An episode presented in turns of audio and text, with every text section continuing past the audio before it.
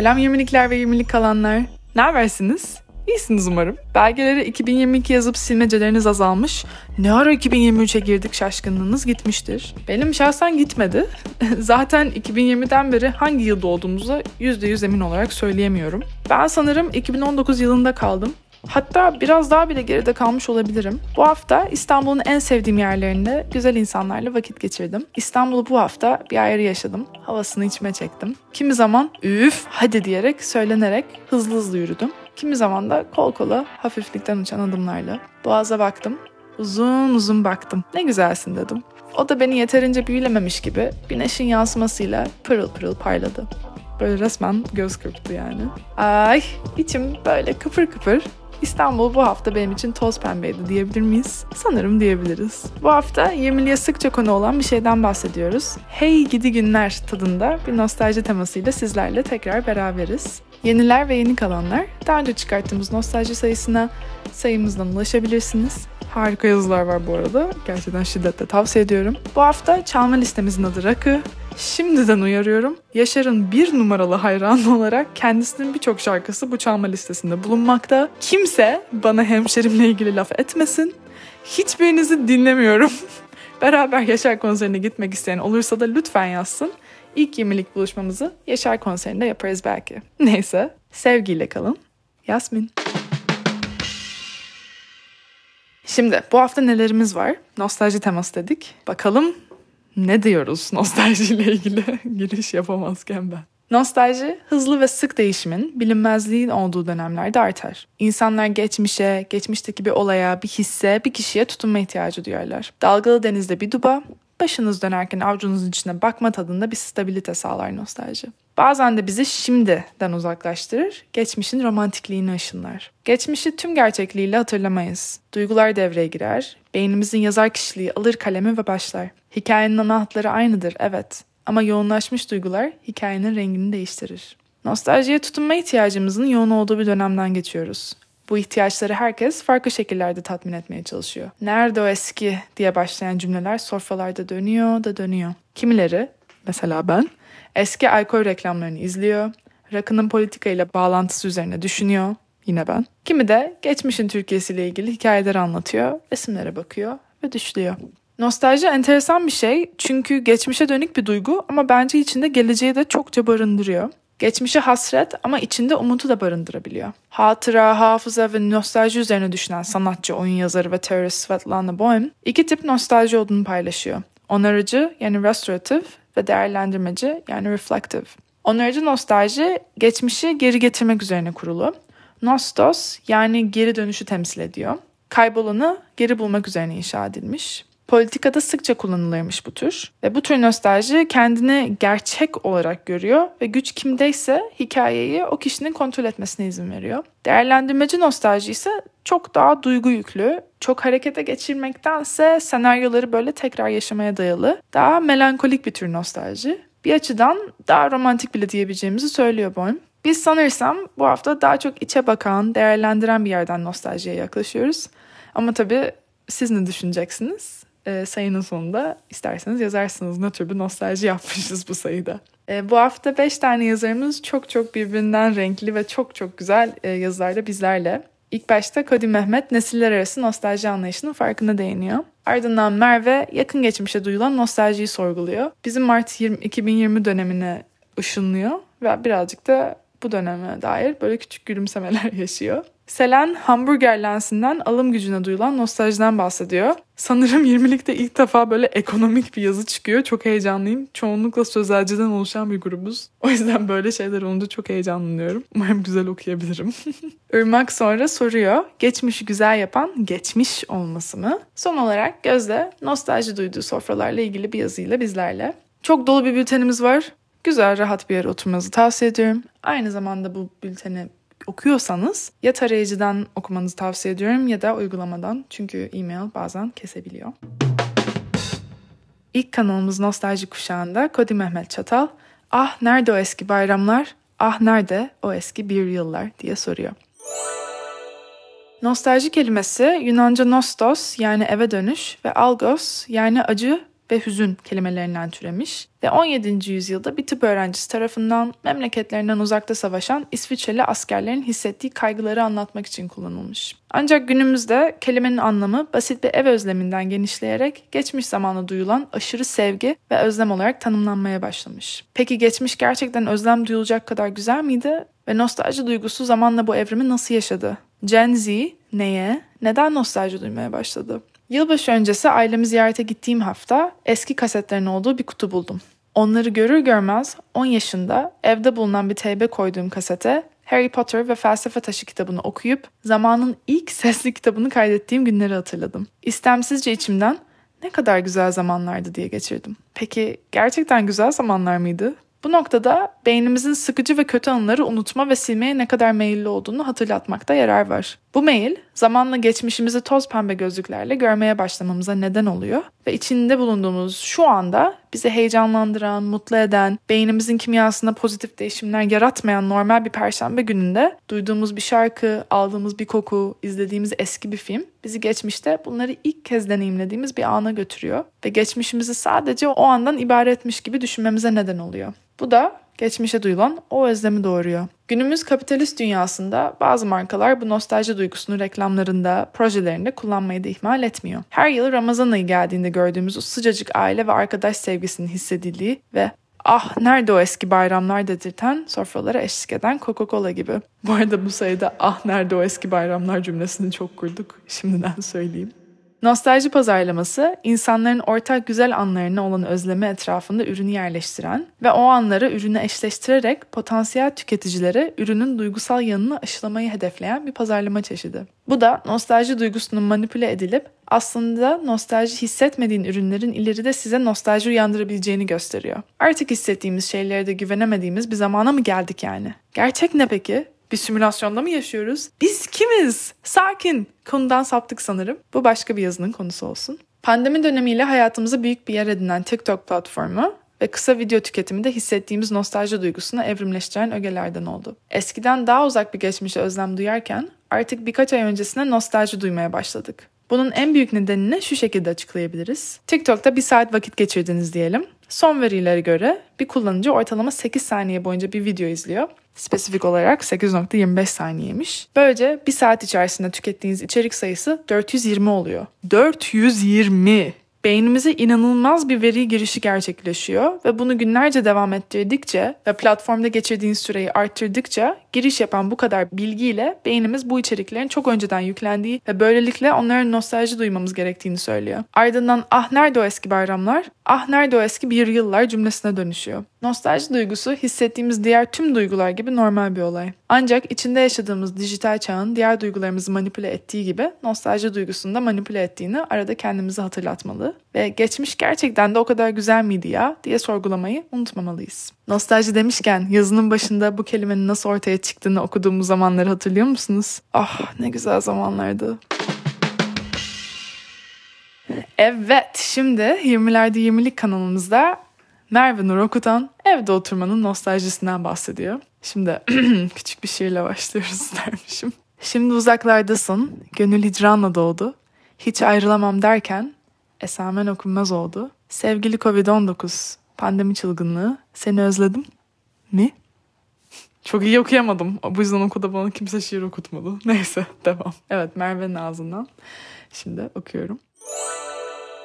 Ben küçükken annemlerin teybe koyup çalmalık iki kıymetli kaseti vardı. Muazzez Ersoy'un Nostalji 1 ve Nostalji 2 albümleri. Kelimeyle ilk bu albümler sayesinde karşılaştım sanırım. Sonraları aldığım psikoloji ve sosyoloji dersleri sağ olsun nostaljinin Türk sanat müziği cover albümlerinden öte bir şey olduğunu öğrendim. Nostalji, TDK Türkçe sözlük ve benzer birçok kaynakta geçmişte kalan güzel günlere özlem duygusu olarak tarif edilmiş. Ancak bir de geçmişte kalan şeylerin daha güzel gözükmesi mevzusu var. Çoğumuz için bunalımlarla dolu, günün yarısında varoluşsal krizde olduğumuz ergenliğimize şimdi bakınca ah ne güzel günlerdi ya, dostlarım ve harika müzik zevkim dememiz gibi. Hatta tam da bu yüzden bugün ne sorun yaşasam gece yatağa gitmeden kendimi aman 5-6 seneye bu sıkıntıları hiç hatırlamayacaksın. Ne güzel günlerdi diyeceksin şeklinde telkin ederim. Yakın zamana kadar nostaljiyle ilişkim şöyleydi. Genelde 2003-2013 bandından bir anıyı hatırlar, hoş hislerle yad eder, gaza gelip Facebook hesabımı açar, eski fotoğraflara bakarım. Bir süre sonra sorgulamaya başlarım. Özlediğim şey gerçekten o an mı?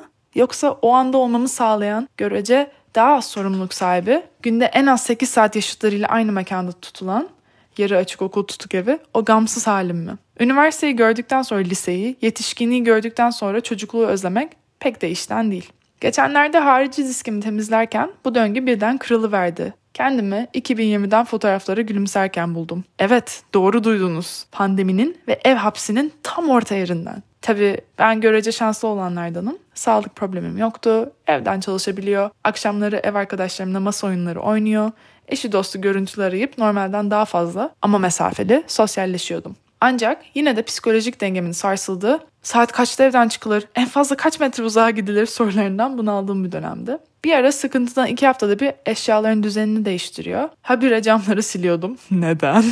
Bu gariplikler dönemine gülümseyince kendi kendime Eh nostalji işte dedim. İşin komiği ise iki yıl önceye nostalji duymam. Belki de ilk kez 20'likken 20'lik yıllarıma dair nostalji hissettim. Hatta bir uzmanı arayıp sormak istedim. İki sene öncesine gereğinden fazla iyi hatırlamak da nostaljiye girer mi? Belki de sadece travma sonrası başa çıkma biçimlerinden biri. Doğrusunu isterseniz bilemiyorum. Bu hafta siz de bir açın bakalım. Mart-Nisan 2020'de kimlerle, nerede, ne yapıyormuşsunuz? Yakın tarihteki bunaltıcı zamanlı nostaljik hisler beslemek mümkün mü?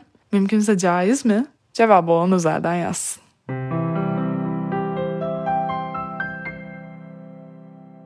Evet, şimdi heyecanla beklenen geldi. 20'likten bir ekonomik yazı çıktı. Selen, Şikenperver 20'lik kanalında nerede o eski hamburgerler diye soruyor. Bayramdan hamburgere geçtik. Hadi bakalım. Duyduğunuz sesin, burnunuza gelen kokunun veya yediğiniz yemeğin sizi içinde bulunduğunuz andan bambaşka bir zamanı götürebileceğini biliyor muydunuz? Nostalji olarak tanımladığımız bu duygu, Türk Dil Kurumu açıklamasıyla geçmişte kalan güzellikleri olan özlem duygusu ve bu duygunun baskın bir duruma gelmesi, geçmiş severlik, gündedinin anlamına geliyor. Böylece TDK'nın nostalji e, tanımını üç kere bu sayıda duymuş oldunuz. İnş ezberlemişsinizdir diyerek yazıya devam ediyorum. Büyüklerimizin nerede o eski bayramlar sözlerinde kulağımızda çınlamasıyla nostaljiye yeni bir bakış açısı getiriyoruz. Nerede o eski hamburgerler? 1986 yılında The Economist dergisinin ülkelerin para birimleri seviyelerini karşılaştırmak için geliştirdiği Big Mac endeksi satın alma gücü paritesi teorisi kullanılarak geliştirildi. Bu teori ülkeler arasında fiyat düzeyi farklarını eşitleyerek farklı para birimlerinin satın alma güçlerini eşitleyen bir oranı dayanıyor. Ekonomiyi anlamanın eğlenceli yollarından biri olan ham Big Mac endeksi göz önüne alındığında ülkeler arası alım gücü kıyaslanan ürün Big Mac olarak literatürde yer alıyor. McDonald's'ın hamburgerleri üzerinden insanlara ekonomiyi açıklamak üzerine kurulmuş olsa da yıllar içinde küresel olarak standart bir ekonomi terimi olarak hayatımızda yerini aldı. Big Mac endeksi ve nostalji arasındaki bağlantıya gelecek olursak alım gücüne duyulan nostalji günümüz insanların özlemini çektiği kavramlar listesinde ilk sırada yer almak için güçlü bir aday. Gencinden yaşlısına, üreticisinden tüketicisine herkes artan fiyatların etkisiyle eski zamanlara özlem duyuyor. Bu zamanda üniversite öğrencisi olmak da zor diye başlayan cümleler canım siz de Big Mac yemeyin evde bir tencere kuru fasulye var diye bir anda şekil değiştiriyor. Burada konu kuru fasulye yiyip yememek değil oysa ki. Yoksa yanına da şöyle güzel bir pilav yaptığımızda tadından yenmez. Hoş kuru fasulyenin kilogramı da kaç lira oldu? Neyse hiç oralara girmeyelim. Eğer hamburger sevmeyen biriyseniz kendi kendinize ben zaten hamburger yemiyorum ne yapayım Big Mac 100 lira olduysa diyorsanız lütfen bir kez daha düşünün. Çünkü bahsettiğimiz ürün Temmuz 2017'de 10 lira 75 kuruş üzerinden satışa sunulurken ürünün fiyatı 5 yılda neredeyse 10 kat artış gösteriyor. Yıllar içinde Big Mac fiyatındaki artışa tanık olsak da buradaki önemli nokta para birimleri arasında Türk lirasının alım gücünde düşüş yaşadığını fark edebiliyor olmamız. Tüm dünyada büyük ses getiren Big Mac endeksi elbette bazı ekonomistler tarafından da birçok eleştiriye maruz kalıyor. Bu eleştirilerin sebebi ekonomistlerin gelişmemiş ülkelerdeki hamburger fiyatlarının gelişmiş ülkelere göre doğal olarak daha az maliyetli olması gerektiğini savunup ham endeks kullanılan verileri yanıltıcı bulmaları. Çünkü satış fiyatlarını etkileyen iş gücü faktörünü göz göz önünde bulundurduğumuzda düşük ücretle çalıştırılan işçiler sayesinde gelişmemiş ülkelerde satış fiyatlarının gelişmiş ülkelere göre daha az maliyetli olduğunu gözlemleyebiliyoruz. Ham Big Mac endeksinin sınırlandırmalarından dolayı da bu sorunu çözmek için gayri safi yurt içi hasıla ayarlı Big Mac endeksi geliştirilerek daha kapsamlı bir endeks ortaya çıkıyor. Yani bu endeks kullanılarak hesaplanan verilerde Big Mac'in gerçek değeri yerine işçi maliyeti ve kişi başına düşen GSYH yani gayri safi yurt içi hasıla hesaplanarak daha gerçekçi sonuçlar elde ediliyor. Gerçekten ekonomi öğretmenlerim benimle gurur duyardı şu yazıyı okuduğumu duysalar. Bir dakikalığına da olsa kafanız karıştı değil mi? Şöyle düşünün. Ahmet Ankara'da 5 dolar kazanıp Big Mac'e 3 dolar verdiğinde parasının %60'ını kullanıyor. Michael ise New York'ta 15 dolar kazanıp Big Mac'e 5 dolar verdiğinde parasının yaklaşık %33.3'ünü harcıyor. Oysa ki Ankara'da Big Mac fiyatı New York'takine göre 2 dolar daha az maliyetli. Bu hesaba göre neden ham endeks yerine GYSH ayarlı Big Mac endeksinin daha tutarlı olduğunu anlayabiliyoruz. Sizin de canınız Big Mac çekti mi yoksa hala 10 liraya hamburger yediğiniz zamanları nostalji duyup ekonomik kriz üzerine mi düşünüyorsunuz? Şu devirde ağız tadıyla bir hamburger de yiyemiyoruz canım. Hamburger dedik, nostalji dedik, pandemide oturmanın özlemi dedik. Şimdi Irmak Hacı Musaoğlu Haklılık Payı kanalında Bir Rüyaydı Bitti, Geçmişin Güzelliği adlı yazısıyla bizlerle. Geçen haftalarda en sevdiğimiz yılı seçmemiz gerekiyordu ve ben neredeyse kendimi tutamayıp 90'ların sonu 2000'lerin başını seçecektim. Ucundan 20'lik olduğumuzu da ele verdik. O dönemlerde televizyonda Ruslar, yılan hikayesi, evdeki yabancı falan dönerken odun sobasının üstünde kestane pişirirdi annem. Belki bazılarınız bilir, reklamlarını görünce canım deli gibi ten içmek çekerdi. Henüz hayat bilgisi, fen ve sosyal diye ikiye ayrılmamış, Fox Kids ve Jetix Play olmamıştı. Bilgisayarım yoktu. Kuzenlerimin Atari'si ise yüzyılın icadı gibi geliyordu. Kaç tane sakızı aynı anda çiğneyebilirsin yarışmasında birinci gelirken top atmalı oyunlara daha az hevesli olurdum. Köpeğimi tavukları kovalıyor diye zehirlememişlerdi daha. Ülke de bu kadar polarize değildi. Tabii ben 8 yaşındayım o zaman. Polar pijama dışında bir polar bildiğim de söylenemez. Çocukluğa özlem miydi bu? Öyleyse üniversite bittikten sonra neden üniversite hayatım çok güzel gelmeye başlamıştı? O zamanlar hiç derdim yokmuş gibi. Sürekli şimdiki zamanı geçmişle kıyaslayıp üzüldüğümü fark edince sordum kendime. Geçmiş, geçtikten sonra gözüme olduğundan daha mı güzel geliyordu? Psikolojide geçmişin pozitif ağırlıklı hatırlanması diye bir durum var aslında. Bazı teoriler der ki insan anlamlı bir hayat yaşadığını hissetmek için bilinçsizce iyi hatırlar o zamana kadar hayat hikayesini. Belki de acılarla başa çıkma yöntemidir bu. 1999 senesinde depremi değil de Rusları hatırlamak gibi. Bilim böyle söylüyordu da ben yine merak ettim. Acaba sizler ne düşünüyorsunuz geçmişin nasıl hissettirdiği hakkında? Bakalım neler demişsiniz. Bütün geçmiş olmasa da mutlaka bir aralık için altın dönem algısı oluyor. İçindeyken farkında olmadıklarımı fark ettiğim için güzel geliyor. Bazı şeyler farklı olabilirdi gibi daha çok. Ağlamaklı, çok iyi hissettiriyor. Kesinlikle rakı süreci gibi. Hem coşkulu ve yüksek hem de buruk ve özlemli. Ben bu yorumu çok sevdim bu arada. Not. Kötü anıları bilinçli veya bilinçsiz olarak iyi olanlara kıyasla daha az hatırladığımızdan kötüyle ilgili nöronlar zamanla güçsüzleşiyor. Geçmişi çok düşünmemek hatta genelde olayları hatırlamamakla beraber bazı noktalarda farklı kararları alsaydım bugünüm nasıl olurdu diye düşünürüm. Bana göre acılar da anlamlı bir hayatın parçası ama sanırım geçmişteki sorunlar günümüzde çözülmüş ya da şekil değiştirmiş olduğu için şu andaki halden geçmişe bakınca sadece güzel olan kısımları görüyorum. Üniversitedeyken olup şu anda olmayan kısma odaklanıp çok güzel hatırlıyorum mesela o günleri. Şimdi olup geçmişte olmayanı hiç düşünmüyorum nedense. Cepte diye mi? Çocuk kısmına gelince ben galiba Avrupa yakasının Şesulu, Selinli dönemindeki Türkiye'yi çok özlüyorum ve nöronlarımın bu sefer hiçbir suçu yok. İleride de şu ana dönüp bugünleri olduğundan daha iyi hatırlayacak mıyız acaba sevgili 20'likler? Not, 2023'ü çok güzel hatırlamak istiyorum.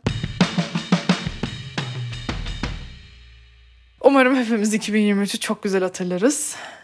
Şimdi son olarak Gözde, Gözde Ataç, Sofra Sofra kanalımızda nostalji deyince en çok da sofra gelir aklıma diye bir yazı yazdı. Sofra kültürüne duyduğu özlemden bahsediyor.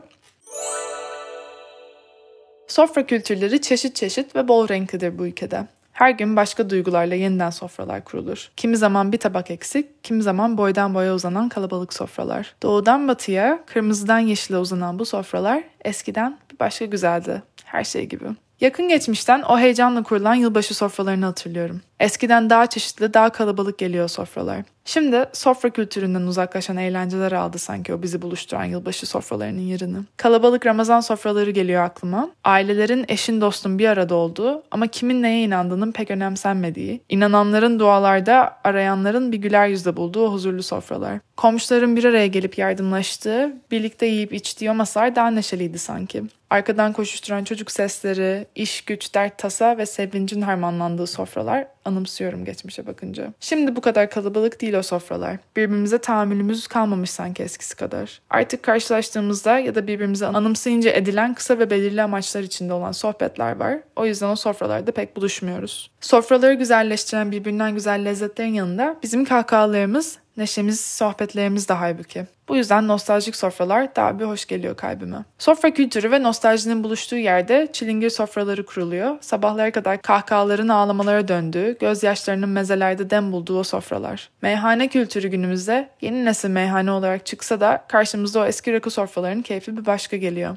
Belki mezeler, kadehler aynı ama işte o neşeler, o sohbetler, Şöyle bir geçmişe dönünce rakı sofralarında felsefeden politikaya yapılan yolculukları izliyorum sanki. Neşe ve acının ana sona karıştığı bu sofralarda doğuyor birliktelikler, aşklar ve nice hikayeler. Gar meyhanelerini hatırlıyorum. Fasılların, sazların, sözlerin bir arada ne şairlerin, yazarların ağzından döküldüğü. Halen keyfi bir başka olsa da o eski rakı sofralarının tadı eşsiz, üzerinde konuşulan sohbetlerin derinliği pek kıymetli. Sofra eskiden bizi yalnızca fiziksel olarak bir araya getirmiyordu.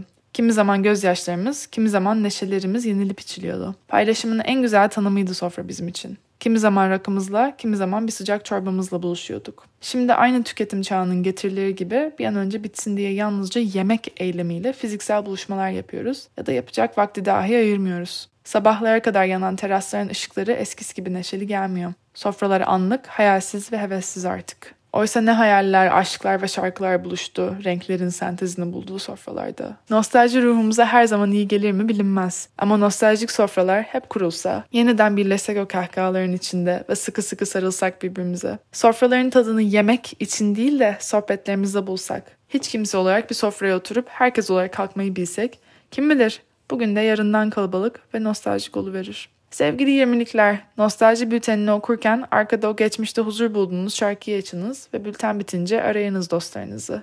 Açın 20'likleri, 70'likleri, buluşalım yeniden sofralarda.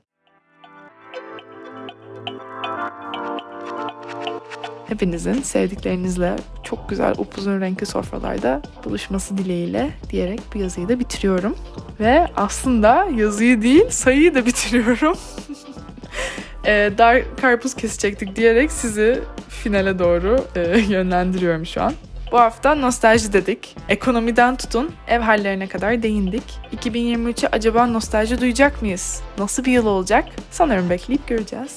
Haftaya nepotizm ve ayrıcalık konularına değiniyoruz. Siz bir nepo bebeği misiniz? Bir testimiz var.